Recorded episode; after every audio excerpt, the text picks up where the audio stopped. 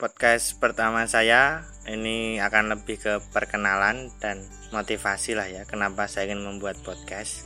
Nah mungkin teman-teman biar kenal dulu nama saya Aditya itu nama lengkapnya.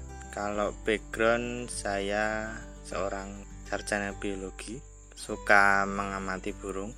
Kenapa sih saya ingin membuat podcast ini? Yang pertama karena bingung ya karena ada corona jadi saya baru lulus dan jadi pengangguran. Saya rasa cocok sih kalau belajar gimana sih buat podcast. Hitung-hitung ya bisa mengasah skill lah berbicara.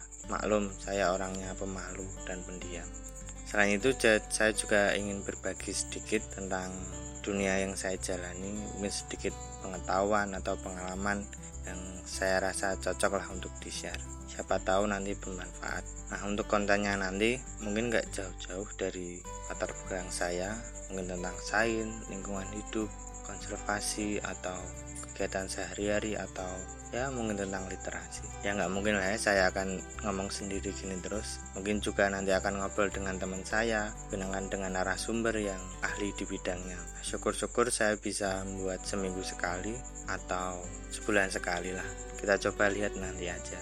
Karena saya tahu saya orangnya tidak cukup menepati janji ke diri sendiri.